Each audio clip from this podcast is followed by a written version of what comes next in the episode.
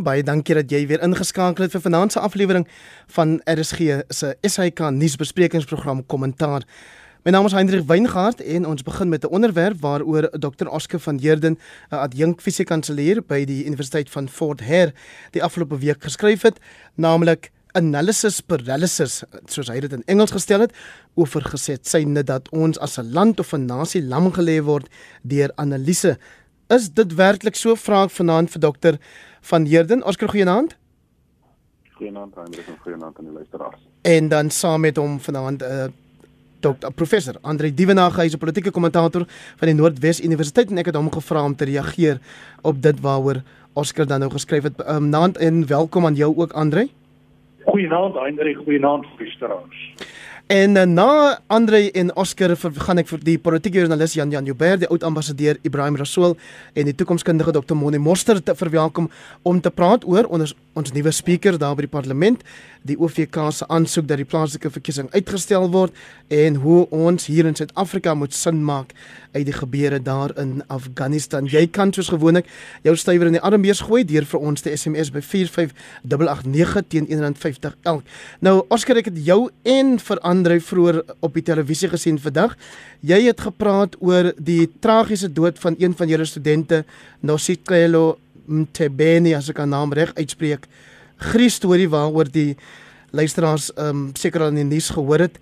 Ehm um, so ek wil ook maar net hier van ons kant af medelee betoon met jou en die universiteitsgemeenskap daarvan Fort Hare. So Woensdag het jy geskryf in Daily Maverick, jy verstaan nie waarom ons net alles wat gebeur sien as sleg en verkeerd en ongewens of dat ons alles as sulks raak sien dat dit net van die slegste is nie. Pessimisme sê jy hang in die lug en daar's diegene wat steeds glo teen 2030 sal ons 'n behoorlike mislukte staat wees. Vertel vir die luisteraars wat het gemaak dat jy besluit het dit moet die onderwerp wees vir jou rubriek. Nou, dankie Hendrik. Jy weet ek het net agtergekom dat so so meer ek saam met mense praat en uh, gesprek lewer en so voort is dit net 'n hele tipe van 'n uh, Armageddon soort van 'n uh, storie en mense dink dit is die einde van die van die begin en so voort. En en ek het net gedink jy weet gegee die feit dat ons in die middel van 'n pandemie is ons het hier ons ons kan nie regtig ons familie en ons vriende sien nie.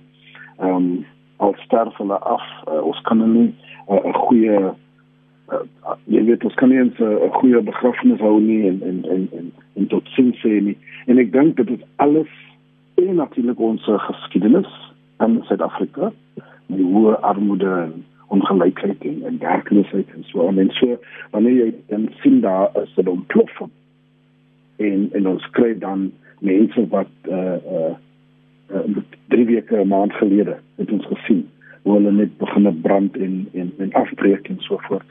Ehm um, en en baie mense natuurlik paniek bevange geword het en en ek dink alles dit al daai ledes uh ek dink ek maak die argument dat dit gee ons 'n uh, toestand van depressiwiteit in Suid-Afrika uh, waar ons net ongelukkig alles wat wat wat wat nie goed is nie. Ehm um, ons gee dit soort ons amplify dit soort van. Andre, is dit ook hoe jy die situasie in ons land beskou? Heinrich, uh, kom ons begin net een stapie terug en ons vra die vraag wat is die rol van 'n analis? Wat is die rol van 'n akademikus? En wat my aanbetref, is dit om so objektief moontlik die situasie te beskryf, te voorspel, te verstaan en wanneer dit beoordeel word te doen in terme van geldende norme soos die demokrasie, die oppergesag van die reg en so meer. Nou wanneer ek kyk na die Suid-Afrikaanse situasie en ek probeer dit objektief dan moet ek werklik sê is die situasie nie 'n goeie situasie en sit ons met reuse uitdagings. Maar ek dink nie die werklike pessimisme wat ons so op die oppervlak sien het altyd te maak met die analiste. Dit het eerder te maak met die politici se onvermoë om daardie situasie om te draai tot iets beter. en eintlik vir ons 'n scenario te gee wat ons positief kan stem. Ek dink in Suid-Afrika het politieke leierskap tot 'n allerlaagtepunt gedaal. Nou jy het vroeër die term gebruik Armageddon analysis. Ek wil nou vir jou 'n gebeurtenis noem wat my na daai analise toe geneem het vroeër die week. Ek was in 'n onderhoud oor die aanwysing van die speaker, Nosisiwe Mapisa Nkakula, en daar was ernstige kommer oor haar aanstelling omdat sy ondersoek word deur die parlement vir verskeie sake, die vervoer van 'n Burundi persoon, die ANC vliegtuig en daar was korrupsie goed. En die een kommentator, 'n politikus, se antwoord was: "Maar hier is eintlik nie ander om van te kies nie, want almal het rekords, almal het so 'n agtergrond." Nou dan moet 'n mens kan verstaan as dit die tipe mense is wat ons aanwys in posisies dat mense negatief gaan wees oor die land en dat mense met pessimisme gevolg gaan word. Ons het reuse uitdagings, maar ek dink ons grootste uitdaging is 'n gebrek aan leierskap. Oscar, 'n gebrek aan leierskap, jy verwys na wat jy reken die prestasie rekord is van president Cyril Ramaphosa in jou artikel? Ja nee, dankie uh, Heinrich. Ek maak die punt dat dit is natuurlik waar ons kan altyd die vraag vra soos jy self gesê het. Ons kan ons kan die die punt herhaal en sê dat daar is nou 'n uh, opinie wat sê dat Suid-Afrika gaan 'n mislukte staat wees in 2013. Ag, skies 2030. Maar tog wil ek sê in plaas van dit herhaal ek te sê, wil ons die vraag vra, hoe gaan ons dit vermy? Wat kan ons doen om seker te maak dat ons nie op die punt kom waar ons 'n mislukte staat is in 2030 nie. Selfde ehm um, sê ek dat inderdaad daar is natuurlik kritiek in in wat ons kan sien in terme van president Cyril Ramaphosa, maar ek wil tog ook sê soos ek sê in die artikel, ons moet die vraag vra wat sou gebeur indien hy bedank het onder die Zuma administrasie sou kasou ons kan sê dat ons hierdie veranderinge wat ons nou ervaar uh, in terme van die ehm um, vervolgingsgesag in terme van die SOEs en so aan um, en alle ander dinge wat ons nou sien oor die, oor die afgelope 3 jaar sou ons definitief kon sê dat ons die positiewe dinge sou kon ervaar indien Ramaphosa nie binne in die ANC gebly het nie en seker gemaak het by Nazareth dat hy president word sodat hy die nodige veranderinge kan aanbring. En dit is net, jy weet, ek wil net sê dis dis 'n verskillende emphasis, maar dit is 'n baie belangrike een waar ons sê die glas is nie noodwendig half leeg nie, maar half vol. Ek ek dink ons moet begin dink. Ons nie dit beteken nie jy vermy die die die nagevolge nie. Jy, sê nie daar is nie probleme nie, maar ek dink net dat uh, as as ons analiseer en en as ons nasie is, moet ons ook terselfdertyd die positiefs ons kan sien. Andersins gaan ons almal net soos ek sê in daai daai staat van depressie bly. Oskar, is dit nie 'n bietjie onregverdig en dalk self seksisties dat Dr Nkosazana Dlamini Zuma wat die ander kandidaat was by Nasrek beoordeel word asof dit haar eksman sou wees wat die leier is indien sy verkies sou word? Wel, I mean dat dat bestaat dat die fase argument wat dit sê maar ons weet tog, dis nie noodwendig die individueel. Sy was die die gesig van van van hulle veld tog. Sy wou die president word, maar ons kyk ook wat dit was die span rondom haar, die groep rondom haar is wat eintlik vir mense gesê het dat dis net dit gaan herhaal, dit gaan ons gaan nog steeds staatskape net uh, en dis meer van mense soos Ysmagashule, uh, Supra uh, en dis meer was in haar span en wou hê sy moet wen. En en en ek dink dit was onredelik om dit te sê nie, want as dit nou net was tussen haar en uh, president Ramaphosa, dan kan ons gesê het, jy weet ons is onregverdig, maar ons moet ook kyk wat was die span in die groep rondom haar? En dis hoekom ons gesê het indien sy tog sou wen, dan sou dit net uh, die die die, die staatskaping geld tog sou sou aan aangehou het in in in ons regering. Andre, daar's ook die gevoel by sommiges dat president Ramaphosa amper te sagkens behandel word deur kommentators of ontleeders verlede week op hierdie program was Theo Venter, Piet Kroukamp en uh, was my ander gas. Nou het ek vir 'n oomblik vergeet, maar die kort daarvan, o Pieter het toe ekskuus van News24. En en uh, twee van die drie het uh, amper vir ons probeer vertel dat selfs die president se getuienis voor die Sondekommissie moet ons verstaan en begryp en aanvaar en dat dit nie so sleg was soos wat dit dalk oorgekom het vir ons nie. Heinrich, uh, net voor ek jou direk antwoord op meneer Ramaphosa, ek verskil van die half glas, half vol, half leeg glas uh, verwysing. Ek dink die glas waarmee ons hier werk, het ernstige barse in en het waarskynlik in opsigte reeds begin te breek. En ek kan dit uitgebrei motiveer met datas en syfers en statistieke. En ek kan eintlik vir jou bewys op hierdie stadium is ons reeds 'n verswakkende staat.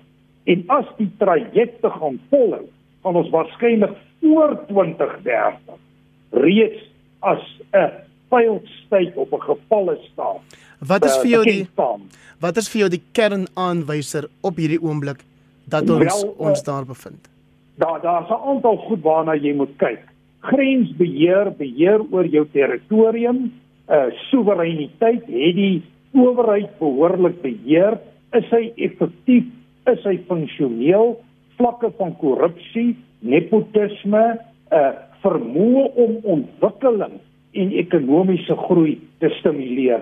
Hierdie kriteria is die kriteria wat meestal gebruik word en as jy kyk en jy gee feite daarop, gaan jy sien dat die trajecte in alle gevalle negatief is. Baie negatief en dat 'n omdraai dringend nodig is. Kyk nou maar net as jy een syfer neem, die getal onwettige mense binne Suid-Afrika op die oomblik. As jy nou kyk wat gebeur het 'n maand gelede in KwaZulu-Natal, skade in die orde van 50 miljard. As jy kyk wat die analiste sê ten opsigte van die oppergesag van die reg, Koos Malan se boek There's no supreme constitution, dan trek daai lyne baie duidelik weer. Maar kom ons gaan oor na meneer Ramaphosa toe. Meneer Ramaphosa word baie sagkens hanteer om die rede wat jy net nou genoem het.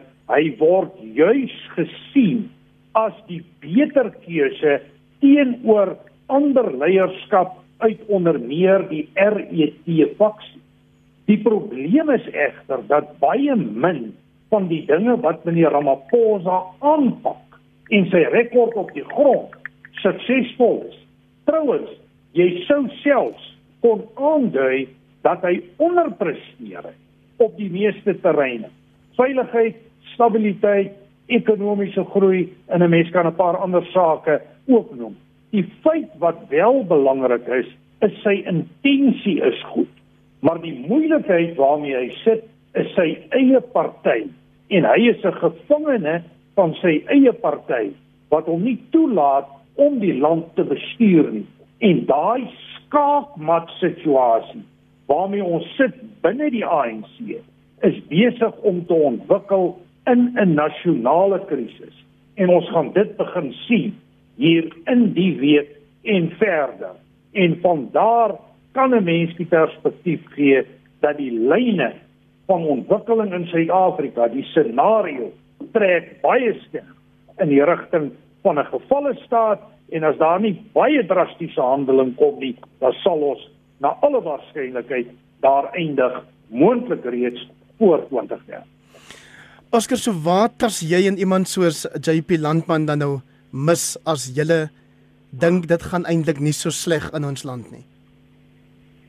Wel, kyk, uh, Heinrich, jy weet, die feit van die saak is ek hoor wat wat uh, Andre sê en en dis daar daar daar feite wat ek kan noem.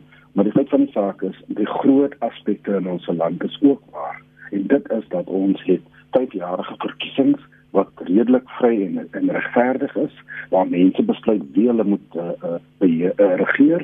Um, en ek dink dit is belangrik ons het 'n onafhanklike regsbank, 'n onafhanklike media. Ehm um, en ons probeer ons bes om seker te maak dat die Bill of Rights uh, uh individuele regte het en so aan minder minderjarige groepe en dis meer en en so aan. So daar is baie baie positiewe dinge in Suid-Afrika.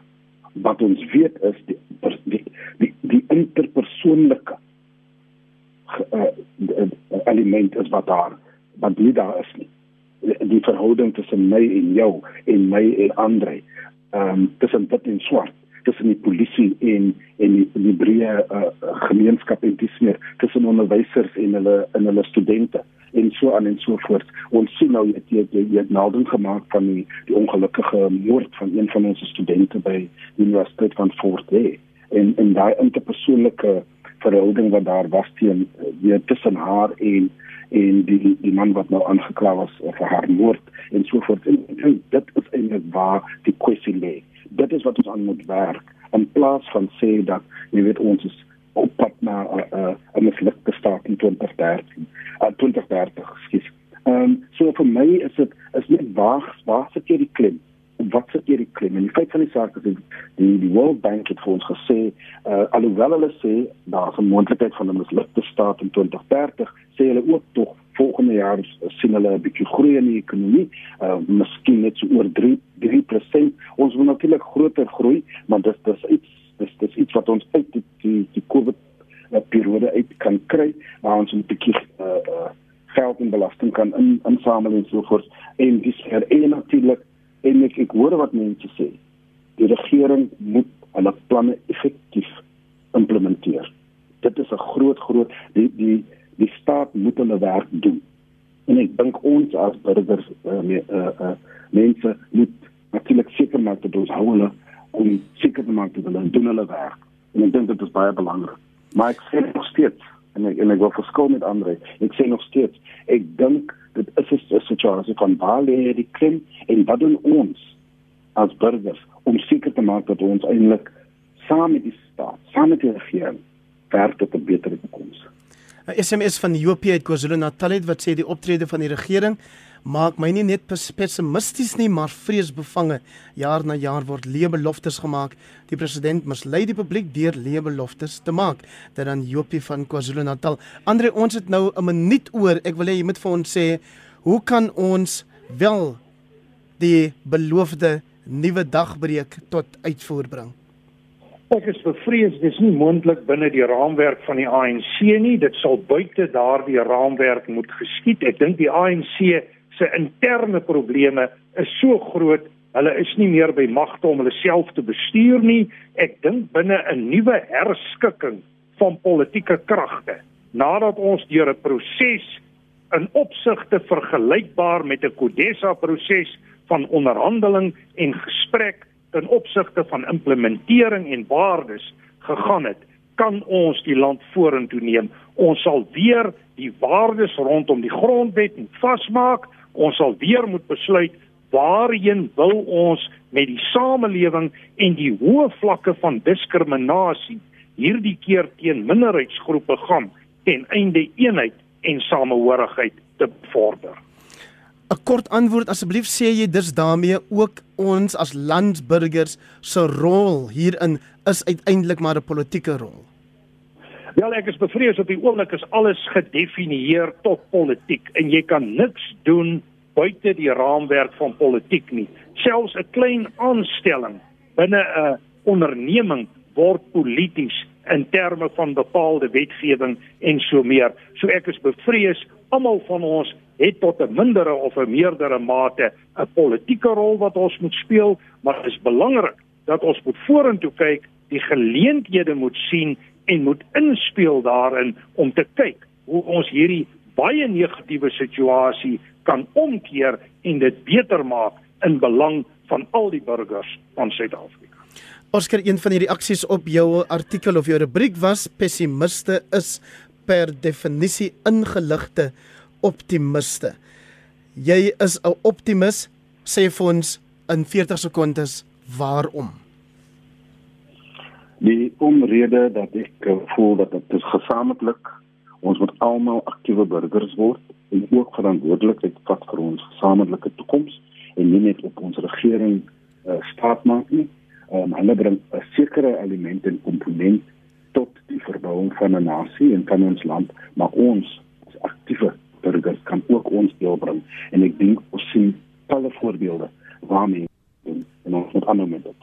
Baie baie dankie vir jou deelname vanaand Dr Oscar van Heerden van die Universiteit van Fort Hare en baie dankie ook dat jy ingestem het om saam te gesels professor Andre Dievenage van die Noordwes Universiteit. En nou vir ons tweede segment verwelkom ek die politieke joernalis en skrywer Jan Jan Joubert. Goeienaand Jan Jan. Goeienaand Heinrich, goeienaand mede um paneellede en aan ons liewe luisteraars in die koue koue aand in Kaapstad. Jou mede paneellede is oud ambassadeur Ibrahim Rasool. Assalamu alaykum Ibrahim. Wa alaykum salaam en goeienaand aan almal van julle en is goed om weer met Jan Jan Joubert te kan gesels. En dan die toekomskundige Dr. Mone Mostert van die Universiteit Stellenbosch se Instituut vir Toekomsnavorsing. Lekker om jou ook weer op die program te hê, Morney. 'n Voorreg om weer by jou te wees, Hein.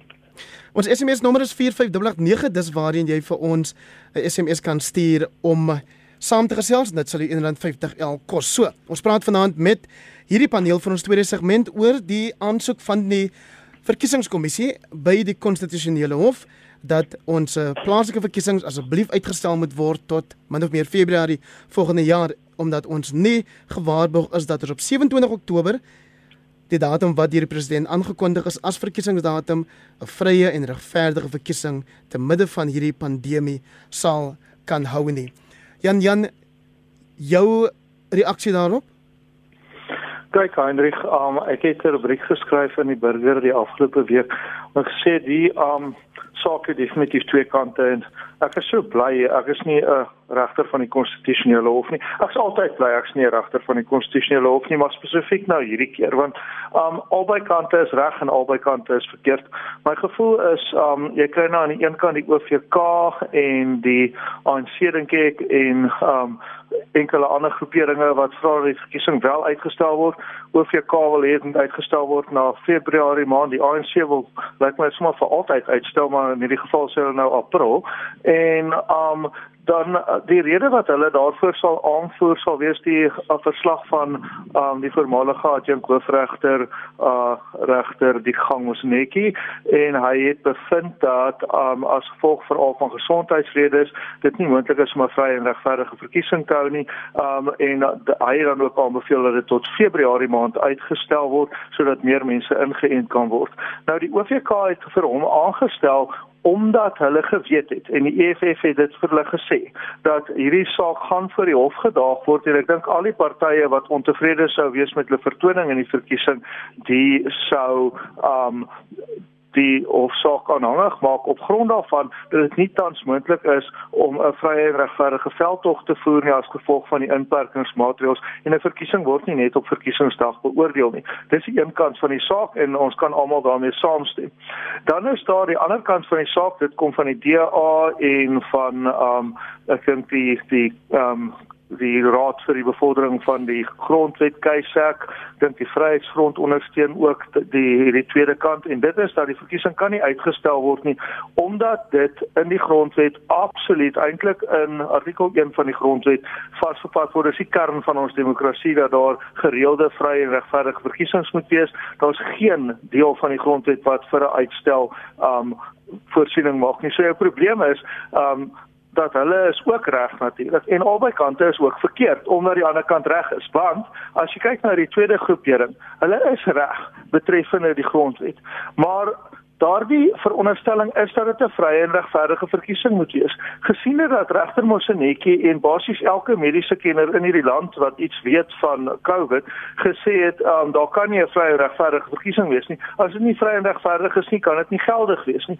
So wat die konstitusionele hof gaan doen, weet ek voorwaar nie, want 'n grondwetwysiging gaan ons nie betyds voor 27 Oktober deur die parlement kry nie. Dis nie na my mening moontlik om dit geldig te doen nie. uh, Regte tamaletjie en my aan my vraag vir mense en my oproep op mense is om asseblief te weet daar's nie een regte antwoord nie. Die regters moet 'n besluit neem. Kom ons besluit voor die tyd om wat hulle ook al besluit te respekteer. Want die enigste manier vir hierdie land om vorentoe te gaan is as die oppergesag van die reg gehandhaaf word. Dis my mening So eindig Jan Jan daai rubriek van hom af met die woorde maak so lank gereed om op 27 Oktober te gaan stem. Masker, ontsmettingsmiddel, ID en al. Ibrahim, jou reaksie op hierdie tamaletjie, grondwetlike tamaletjie waarmee die konstitusionele hof Vrydag gekonfronteer is? Net om vir Jan Jan gerus te stel, ek weet nie Oktober of Februarie of April op die ANC Weskaap ooit gereed gaan wees vir 'n verkiesing um, op plaaslike vlak nie. So ek praat nie namens die Weskaapse ANC nie, maar ek het 'n uitdrukking in die FSA geleer. En dit is dat soms moet die grondwet grondwet gebuig word sodat dit nie breek nie. En ek dink dat die derde ehm um, woord wat bygestel is by ehm um, vry en regverdig is vry, regverdig en veilig. En ek dink dat um, ons kan nou al sê um, soos Jan Jan ook sê in sy eerste hand van die van die antwoord dat almal wat nie goed gaan doen nie gaan die ding um challenge in die in die hof na die tyd. Ons het 'n langer um, tydperk hê van um tussen in regerings en so terwyl ons wag vir hof uitslaa en almal daardie soort van dinge. So ek dink dat soms is dit beter ons kan um die die die die epidemiologists sê ook dat hulle verwag 'n vierde ehm um, golf in Oktober en so voort. So ek dink dat as ons al daardie dinge bymekaar sit, dan is, um, kan mense verstaan waarom daar 'n saak gemaak word om dit uit te stel. Ek dink ons moet dit te lank uitstel nie. Um, want um, soos Jan Jan vrees, uitstel is afstel. Um, maar ek dink nie dat um, president Ramaphosa is die soort van president wat 'n grondwet geskryf het wat hy sou toelaat dat dit afgestel word nie. So ons moet 'n bietjie vertrou hê. Ons moet miskien die tussenin 'n um, periode neem en dit na Februarie wees en nie verder as dit nie. Um en ek dink ook dat dit sal vir almal 'n gelyke kans gee om op volgens hul sterkpunte 'n uh, veldtog te lei. Ek dink die DA is die mees gedigte in elektroniese ehm um, kieserwerwings. Ek dink die van die ander partye is meer face to face. So ek dink dat ehm um, een of ander sal benadeel word. Ek dink ook as ek hier ehm um, was, dan sou ek ook gesê vroeër is beter want die ANC is op sy mees kwesbaarste op hierdie oomblik. So ek dink ons moet miskien net wag vir die ehm um, grondwetlike hof om uitstel te gee. Ek dink dat ehm um, my gevoel is dat hulle sal doen wat vry, regverdig en veilig is. En miskien moet ons berus by dit. Morne so 'n vraag wat deur regter Majid gevra is aan hmm. senior advokaat Wim Tringrove was dat die OFK se versoek dat die verkiesing uitgestel word tot Februarie is deels gebaseer daarop dat hulle verwag dat ons inentings teen dan op 'n vlak is waar die grootste deel of grootste gros van ons burgers ingeënt is, maar die regter sê wat dan nou van hierdie toenemende enstofhuiwering soos wat dit genoem word wat ons sien gebeur, is dit ook bygereken? Ja, ek dink dit is 'n heeltemal geldige vraag. Ek dink die een van die groot kwessies hier is dit gaan eintlik oor vertroue. En ek dink as 'n mens die nasionale pols meet dan voel jy nie dat ehm um, ten minste politieke partye op die oomblik besluite neem wat vreeslike vertroue inboesem nie en dit dit dink ek is die rede waarom die simboliek uh daarvan dat mense verkiesing begin aanraak en dan jou grondwet begin aanraak. Die simboliek daarvan is geweldig magtig. En as daar baie groter vertroue was, dan het ons nie so dan was ons natuurlik nie so suspisieus nie. Mense moet net vinnig ook by sê, ehm um, dat die tydsberekening vir die ANC is nie goed op die oomblik nie. So dit maak heeltemal sin dat hulle dit sou wou uitstel. En dan as 'n mens net na 'n laterale voorbeeld kyk, Ghana het nou net uh wat wat meeste kommentators sal sê, ehm uh, was 'n baie 'n uh, vrye regverdig ons kan debatteer hoe veilig dit was. Uh maar hulle het nou net 'n suksesvolle verkiesing gehad waar die mag in Zambië ook. Het. Ek sê Zambië hier hier aan die ander kant ook en en dit en en en daarom dink ek daai internasionale perspektief is belangrik sodat ons nie weer 'n spesiale stel reeltjies vir ons spesiale landjie begin ontwikkel nie. So waarom ten spyte daarvan dat ons dan hierdie verkiesing sien uh môre in ander lande ook in Afrika is daar by ons hierdie huiwering. Ek ek dink ehm um, ek ek dink ons is soos wat ons dikwels uh, is 'n bietjie onvoorbereid. En ek dink uh, daar daar is ongetwyfeld 'n uh, kwessie van vir wie is die tydsberekening beter en wie funksioneer beter onder 'n meer 21ste eeuse bestel. Ons het 'n soortgelyke ding gesien met die Amerikaanse verkiesing byvoorbeeld. Um, en ons kan 'n baie lang debat oor dit maar ek, ek dink dit gaan oor daai daai kwessies. Waar lê die vlak van vertroue in die land? Hoe lyk die tydsberekening vir verskeie politieke partye? En nou ja, uh, wat anders is besig om in die agtergrond te gebeur, ons nie seker van nie. Jan Jan, jy het gehoor Ibrahim het verwys na die kwessie van veiligheid uh, veral um, en jy het nou ek het ek het aangehaal uit jou rubriek het waar hy sê vat my jou jou um, handsaniteerder en die goeie saam, maar dink jy mense is bang vir hulle veiligheid of dink jy dis net die wat dalk nie ingeënt is nie? Heinrich, weet, ek kan nie lees in die gedagtes van mense wat hulle nie laat inent nie, want dit slaan my dronk. So ek gaan dit vir die oomblik daar laat. Ek wil net sê hierdie is 'n grondwetlike en 'n wetlike kwessie. Daar's geen verwysing in die grondwet dat die uh, verkiesing veilig moet wees. Dit moet vry en regverdig wees. So hierdie veilig word nou ingevoeg, um heel aspres en baie vinnig en bykans ongemerk, maar nie heeltemal ongemerk nie ook nie op die program nie. So ons moet ons laat um lei deur die grondwet. My kommer is met die um Mosenetjie verslag wat uit is. Dit gaan nie help dat jy 'n verkiesing hou. Dis net praktiese politiek. En daar is 'n berg so groot soos Ararat voor jou waarop jy kan strap in hierdie dae van baie reën in die Kaap. Omdat jy weet, daai Mosenetjie verslag het gesê dis nie moontlik vir dit om vry en regverdig te wees nie. As die verkiesing nie vry en regverdig wees nie, kan dit nie geldig wees nie. So dit is wat die verkiesingskommissie moet opweeg. Ek stem saam dat die verkiesingskommissie ons in die steek gelaat het. Hoekom hulle besluit het om hulle registrasie naweek af te stel is 'n oop vraag. Dis nie behoorlik aan ons verduidelik nie. Ek dink hulle was lui. Ek stem saam met die advokaat wat opgetree het. Ek meen dit was vir Keisek, ehm um, daardie mense wat die grondwet wil beskerm. Die advokaat het gesê dat basies vra die OVK vir die konstitusionele hof om die OVK se take oor te neem en dis pure laksheid. Um hulle het nagelaat om daai registrasie naweke te hou. So natuurlik wil mense hê die grondwet moet uitgevoer word en nêrens maar nêrens maar nêrens in die grondwet word daar voorsiening gemaak vir uitstel van 'n verkiesing nie. So ons sit in tematies straat deels weens die OFK se stadigheid en deels weens 'n baie onverwagse verslag van regter Mosnetjie, maar daar sit ons nou. Nou wat maak jy? Ons nou baie gehoor van wat gebeur as die verkiesing uitgestel word. Dis regtig nie wenslik nie. En spesifiek met hierdie regering, ek het nie soveel vertroue dat um, die ANC oor sy voete gaan val om ewe skielik nou gereelde verkiesings te hou nie. Dit lyk nie vir my soos meneer Rasool inderdaad sê of hulle baie goed voorberei is nie.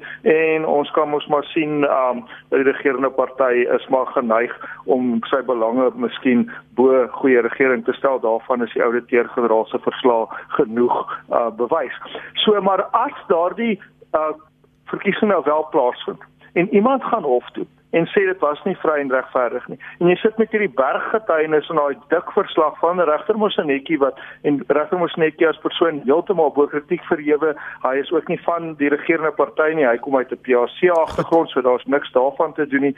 Um gestel jy sit dit voor 'n hof en dan word 'n bevinding gemaak dat verkiesing is nie vry en regverdig nie. En jy het al daai miljarde rande uitgegee wat dit kos om 'n Suid-Afrikaanse verkiesing te hou. En dan sit jy met geen plaaslike regering nie want die plaaslike regeringsverkiesings was ongeldig en die vorige plaaslike regering se termyn het verstryk. Wel dan sit jy met 'n werklike probleem. So ek verwag wel dat daar een of ander vorm van van uitstel gaan kom.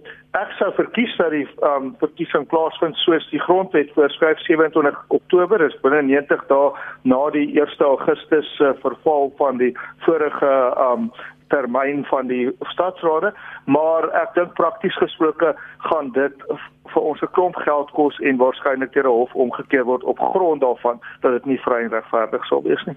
Ek gaan al drie vra om te kyk of jy dit bietjie korter kan maak as jy antwoord omdat ons daarom nog by twee ander onderwerpe ook vanaand wil uitkom. Ibrahim, ek vra vir jou of jy reken dat die verkiesingskommissie wat nog altyd voorgehou is aan die res van die wêreld en die res van die vasteland as een van daai instellings in Suid-Afrika met absolute geloofwaardigheid het daai geloofwaardigheid nou 'n bietjie onder verdenking gekom?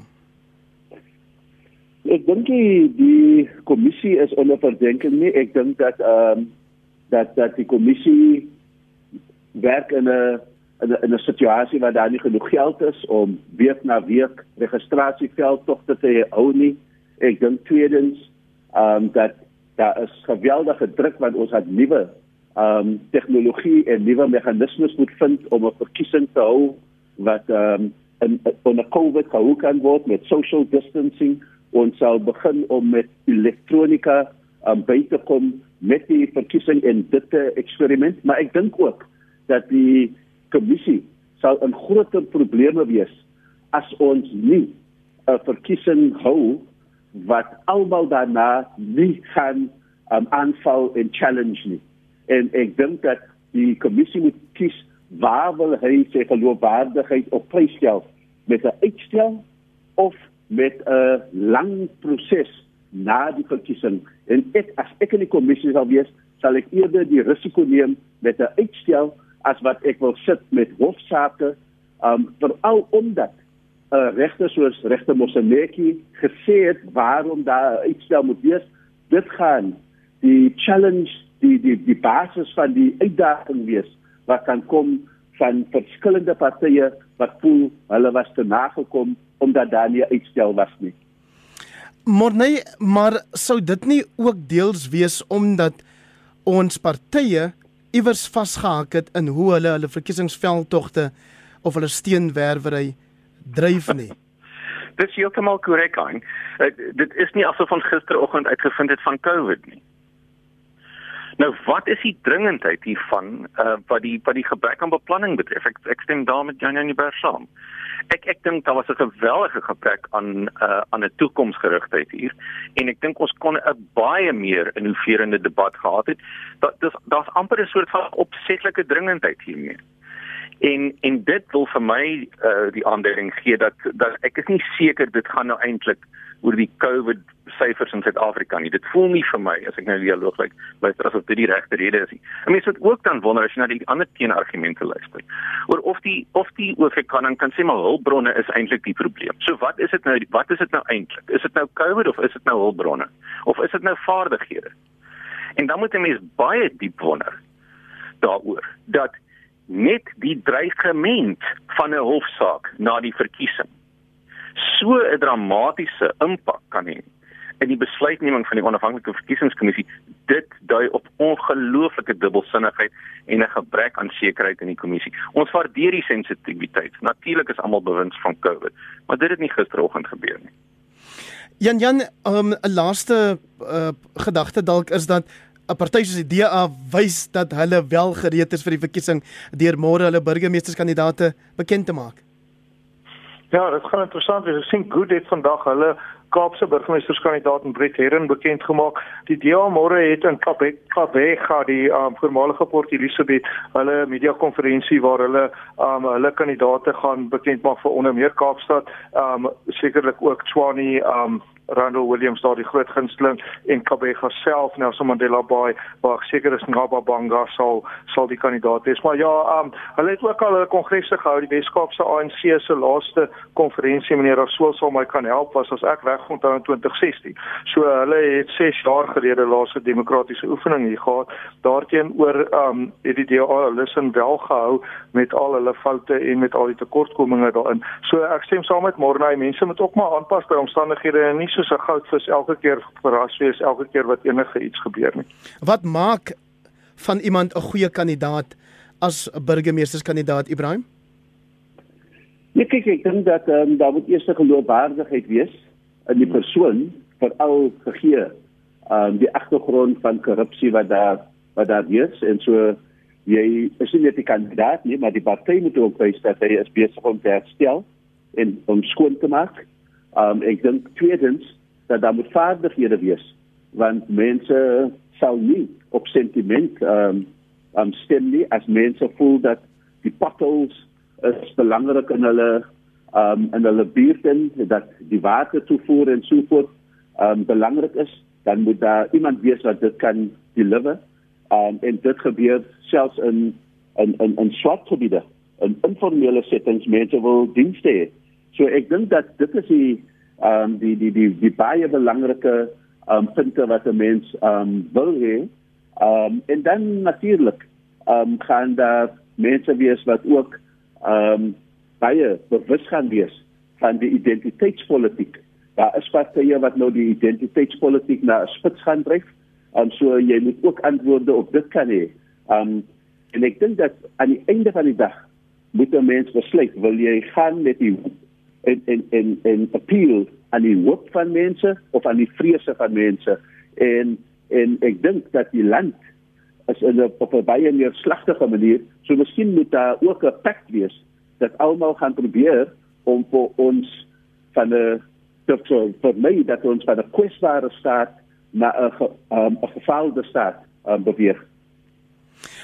Monday as jy kyk na die eh, tendens van 2016 in elk geval, dan wys dit vir ons dat terwyl die DA eh, toe nog baie afwysend na sogenaamde kleiner partye verwys het, is dit heel dikwels hierdie kleiner partye wat uiteindelik die magsbalans hou in van die munisipaliteite. Hoe gaan jy verantwoordelik te werk met daai magsbalans indien dit in jou hande beland as 'n sogenaamde kleiner party? Ja, ek ek dink die dit is 'n dis 'n fenomeen wat ons eintlik uh, reg oor die wêreld sien dat die die kleiner partye speel hierdie soort van kingmaker uh, rol. En en dit plaas 'n ongelooflike verantwoordelikheid op die leierskap van daai klein uh, kleiner partye of Suid-Afrika reeds daarin geslaag het om oor die uh, politieke spektrums heen ehm uh, hierdie hierdie tipe alliansies te vorm as dit deel is van jou vraag aan. Uh, so ek sê daar is daar is baie min voorbeelde van uh waar dit die geval is. Die die politieke ry is redelik tradisioneel hier. Jy's in of jy's uit en as jy uit is, jy weet dan dan is jy in die moeilikheid en soos die ANC self gesê het, dis koud daar buite. En daar was daar was 'n paar pogings um, en ons het wel 'n paar interessante voorbeelde gehad, maar ek dink die sofistikasie van die alliansiepolitiek uh in Suid-Afrika is nie uh baie groot ontwikkel nie, maar ek dink die verantwoordelikheid op die kleiner partye raak enorm dikwels verantwoordelikheid waarop hulle baie selde voorberei is. Dit is stem van Dr. Morde Moster, die toekomskundige wat vanaand deel is van ons kommentaarpaneel, saam met Jan Jan Joubert, bekende politieke joernalis en skrywer en oud ambassadeur Ibrahim Rasool. So ek het gedog Jan Jan, in vroue maand moet ons vroue vier en die rolle wat hulle in die samelewing speel, maar dit is heeltemal die ervaring wat Nosiviwe Mapisa Ngakula hierdie afgelope week gehad het nie. Ja, die vroue is jy so oorverteenwoordig op die program vanaand, né? Eina. Eina. Luister, ehm um, nee, ehm um, maar kyk, daai is maar meer 'n kwessie van ehm um, mevrou Mapison Kalkula se se rekord die spreek vir sigself. Ehm um, en ehm um, dit is uh nie 'n goeie een nie. Ehm um, sy is nou 17 jaar in die kabinet. Sy was minister van binnelandse sake toe die xenofobiese aanval in 2008 gebeur het, toe sy ehm um, weliswaar gewaarsku is dat hierdie tipe ding kan gebeur, maar 'n bietjie soos dokter Andrius Streernig in 1976 net gewoon na nie daar gesteer het en toe na die tyd gesê het wat kan ek doen?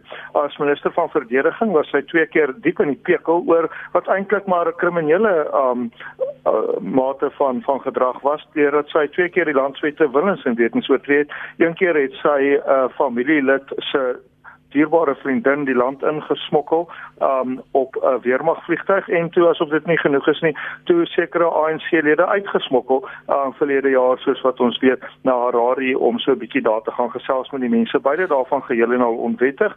Sy het nou uiteindelik uit die kabinet gelaat deur meneer Ramaphosa, maar nou word sy spreker. Dit is derde in bevel van die land um volgens die protokollys. As daar iets met die kabinet en die uh, president wat jong sou verkeerd gaan, dan sê die grondwet sy is in beheer Ehm um, dis nou 'n wonderlike manier om van iemand ontslae te raak. So ons sit in 'n situasie waar na die probleme wat ons gehad het, die anargie in KwaZulu-Natal en Gauteng, um, dat daar nou net mooi niemand is wat sonder 'n werk sit wat verantwoordbaar gehou is deur die president nie. Wie nie rondgeskuif is in die kabinet nie, is eintlik maar bevorder deur soos mevrou Mapisa Nkakula en ek dink um, ons wens haar alles van die beste toe. Miskien word sy 'n wonderlike wonderlike spreker, maar daar's geen werklike praktiese rede om te verwag dat sy goed sal of haar nie haar rekord spreek vir sigself.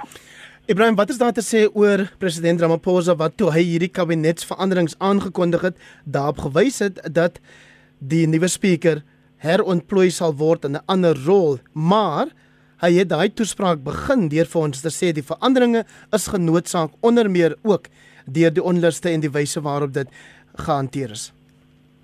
Ja kyk ek dink dat ehm um, daar was beslis uh, boets ontbreking aan die president se kant af. Ek dink dat hy kon dieper gesny het.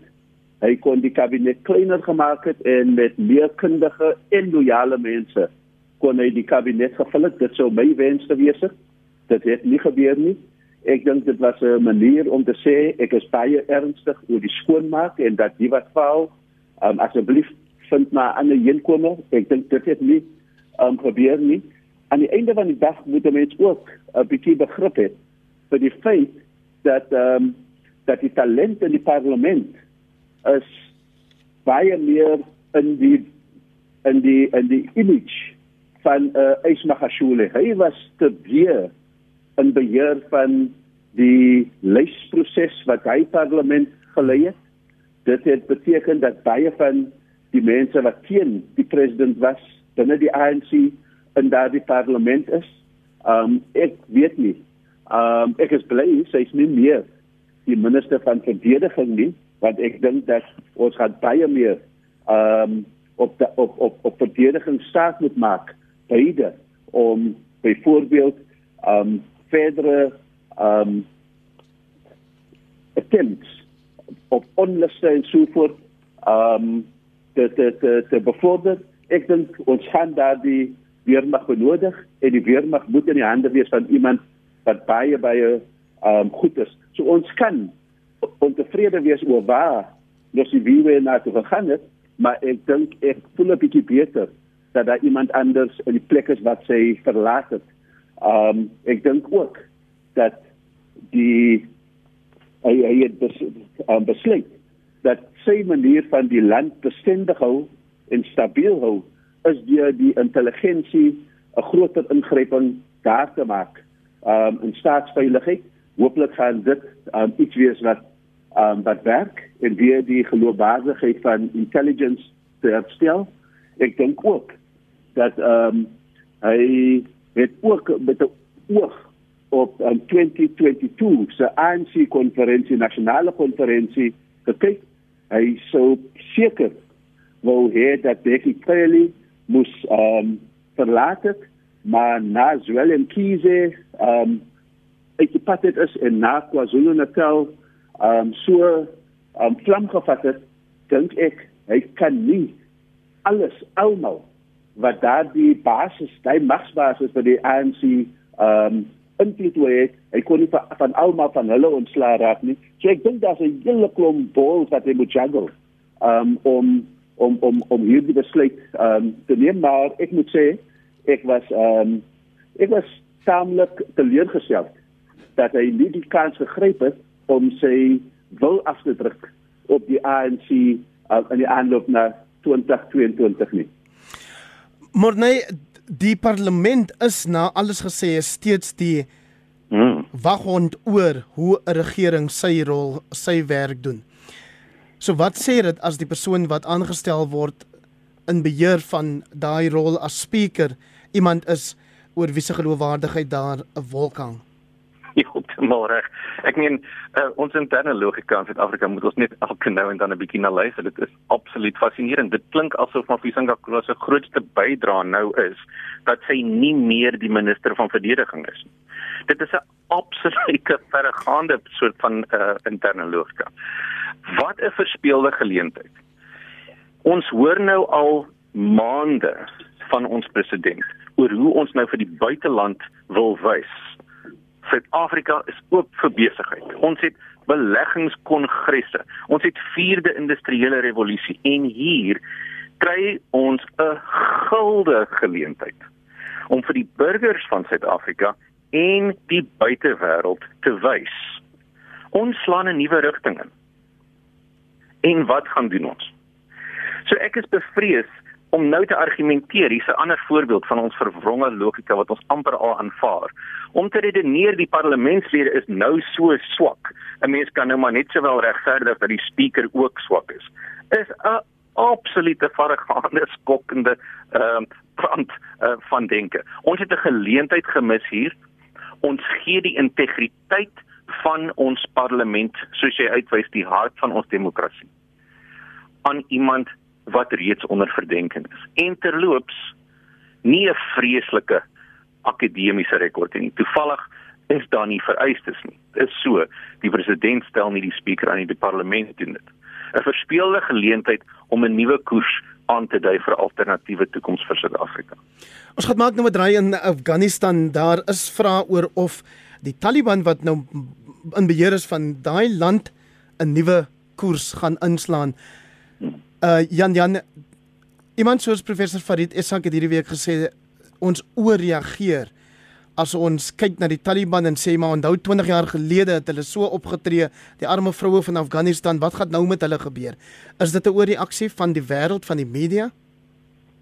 Dit is 'n baie dapper reaksie van professor Essak want um die in hierdie week het Amnesty Internasionaal voorbeelde bekend gemaak um van marteling en van moord in hierdie tye in hierdie dae deur die Taliban op sy opponente. Nou sit ons in die Taliban met dieselfde situasie as met mevrou Mapisa en Kakula en dat jy weet, maak nou nie saak hoe sleg jou verlede is nie, jou toekoms is in jou hande. So ons hoop net maar vir die beste.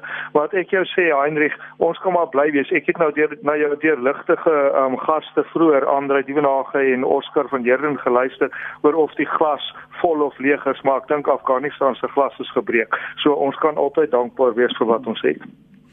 Ibrahim, jou reaksie oor wat Farid Essak die ooreaksie noem op die Taliban en of hulle sal kan verander. Nee, kyk ek dink dat die Taliban is die Taliban. Alles in hulle geloof, alles in hulle teologie, alles in hulle gedragskodes is daar op 'n om fundamentalisties te wees. Jy moet dit aanvaar. Maar maar ek dink dat die grootste reaksie is dat dit het ons almal geweet dit het die FSA geweet, dit het die Weste geweet en en, en soos ek vir 'n vriend wat in die kabinet van Biden is gesê het in die week dat ehm um, as jy 'n fout begaan het van hoe jy ingaan, moet jy terdeë bewus wees van hoe jy uittrek. Want as jy 'n vakuum los, as jy 'n leemte los, dan word die slegste daar ingesuig en hulle slaan weg in daardie um, situasie ek het die geleentheid gehad oor die afgelope jaar om te praat met beide die Afghan um government se se se, se onderhandelaars in Doha sowel as die Taliban onderhandelaars en ons het probeer om 'n islamitiese raamwerk te kry vir wat kan gebeur daarna. Een van die dinge ek dink waarna hulle die Taliban veral nou luister is om nie as oorwinnaars te kom nie. Hulle sê hulle gaan nou dink oor inklusiewe regering bou. Hulle gaan hulle nou uitgereik na die na die Shias toe om te uh, nadat hulle vir jare elke 10de Muharram wat 'n heilige dag is vir almal alle moslems, vir al die Shias, het hulle bomme geplant waar Shias bymekaar kom. Hierdie jaar is hulle vir hulle omarm. Ek dink nie van die mentiel gaan die Taliban hulle teologie verander nie maar ek dink dat daar is miskien aspekte van logika wat 'n mens kan bring vir hulle. Um, ek het hulle byvoorbeeld in gesprek gestel met mense van Morsi se kabinet wat gesê het dat hulle nie geluister na die Suid-Afrikaanse voorbeeld dat die eerste prioriteit wanneer jy wen soos in 94 is om teen revolusie um, stop te sit nie. Ek dink hulle begin nou te besef dis wat hulle moontlik moet doen ek dink die idee van 'n Marshall Plan om Afghanistan te herbou is miskien iets wat die Taliban sal na luister en dink hoe kan hulle dit moontlik maak um, om daardie soort van hulp te kry maar dan moet die weste nie 'n fout maak deur weer die geld vir 'n regering te gee soos vir die Afghan regering nie omdat dan het hulle korrupsie. Hoe kry jy die geld op die grond wat dit benodig is? En ek dink dat hierdie is die soort van dinge uh, waarmee ek um gelukkig was om te kan te kan help meer um um en en en ek hooplik sal die soort van um syne wat ons kry van die Taliban nou in die afgelope week moontlik is dit um, waar ons kan voortbou maar jy moet altyd verwag dat um uh uh uh, uh 'n leopard change nie sy sy spots nie. Maar nee, oud-president Donald Trump sê dat die Amerikaanse of sy opvolger president Joe Biden moet skaam voel oor hierdie vernedering wat Amerika nou op die lyf loop in Afghanistan. Ja, ek uh, vind myself in die skokkende posisie waar ek uh, met meneer Trump saamstem. Ehm um, dit is is amper verfrissend. Uh, maar ek dink hy is, hy is heeltemal reg en en ek dink ehm um, een van die probleme hier is die nuance. So uh, soveel van ons insluitende op jou program Hein het gesê wat maak die Amerikaanse uh, militêre magte in al hierdie plekke in die wêreld. Wat soek hulle daar? Wie het hulle aangestel as die internasionale polisieman? Wel 'n interessante ding gebeur nou. Die internasionale polisieman tree nou af. En nou uh, begin die die uh, onsekerheid, die sekuriteits uh, dreigemente begin nou duidelik na vore kom. So ek dink nie die, die debat gaan oor moet of moes hulle nie. Dit gaan eintlik oor die wyse waarop dit gedoen is. En ek en ek dink dit is ehm um, dit is eintlik uh met verwysing tot die tot die mense van Afghanistan op 'n geweldig onrespekvolle, disrespekvolle manier gedoen. Die Taliban vind homself nou ehm um, ek ek is seker een van ons uh, gaste sal sal graag wil debatteer, maar in uh, iets wat van 'n soort gelyke ehm um, dilemma as wat die ANC homself bevind in die sin dat hy 'n soort van strydersorganisasie was wat nou iets soos 'n politieke party moet word en die uitdaging, die organisasie evolusie wat hierdie Taliban moet gaan om dit te bewerkstellig met internasionale monitering waar internasionale reg moet geld en waar daar jy weet plekke soos Transparency International byvoorbeeld graag wil weet wat aangaan. En die risiko gaan wees dat die Taliban soos die ANC gaan begin argumenteer maar ons is 'n uitsonderlike situasie en internasionale norme geld nie in alle gevalle vir ons nie. En ek dink dit is 'n geweldige komplekse ding uh, om uh, brug om om oor te loop. Ek dink net gou vinnig oor die risiko's as ek dit mag sê ons is regtig verstreke. Ja, ja ek wil net sê dit maak die deur oop vir vir vir 'n paar ander ehm um, vir 'n paar ander organisasies wat baie verlig is by die internasionale polisieman aftree. Baie baie dankie vir jou deelname vanaand Dr. Morne Mostert saam met hom Jan Jan Joubert en Ibrahim Rasool. Ek waardeer dat julle ingestem het om saam te gesels vanaand. Baie dankie ook aan Professor Andre Dievenage en Dr. Oscar van Heerden wat vroeër saamgesels het. Van my Hendrik, ek wens vir jou 'n goeie en 'n gesonde week toe.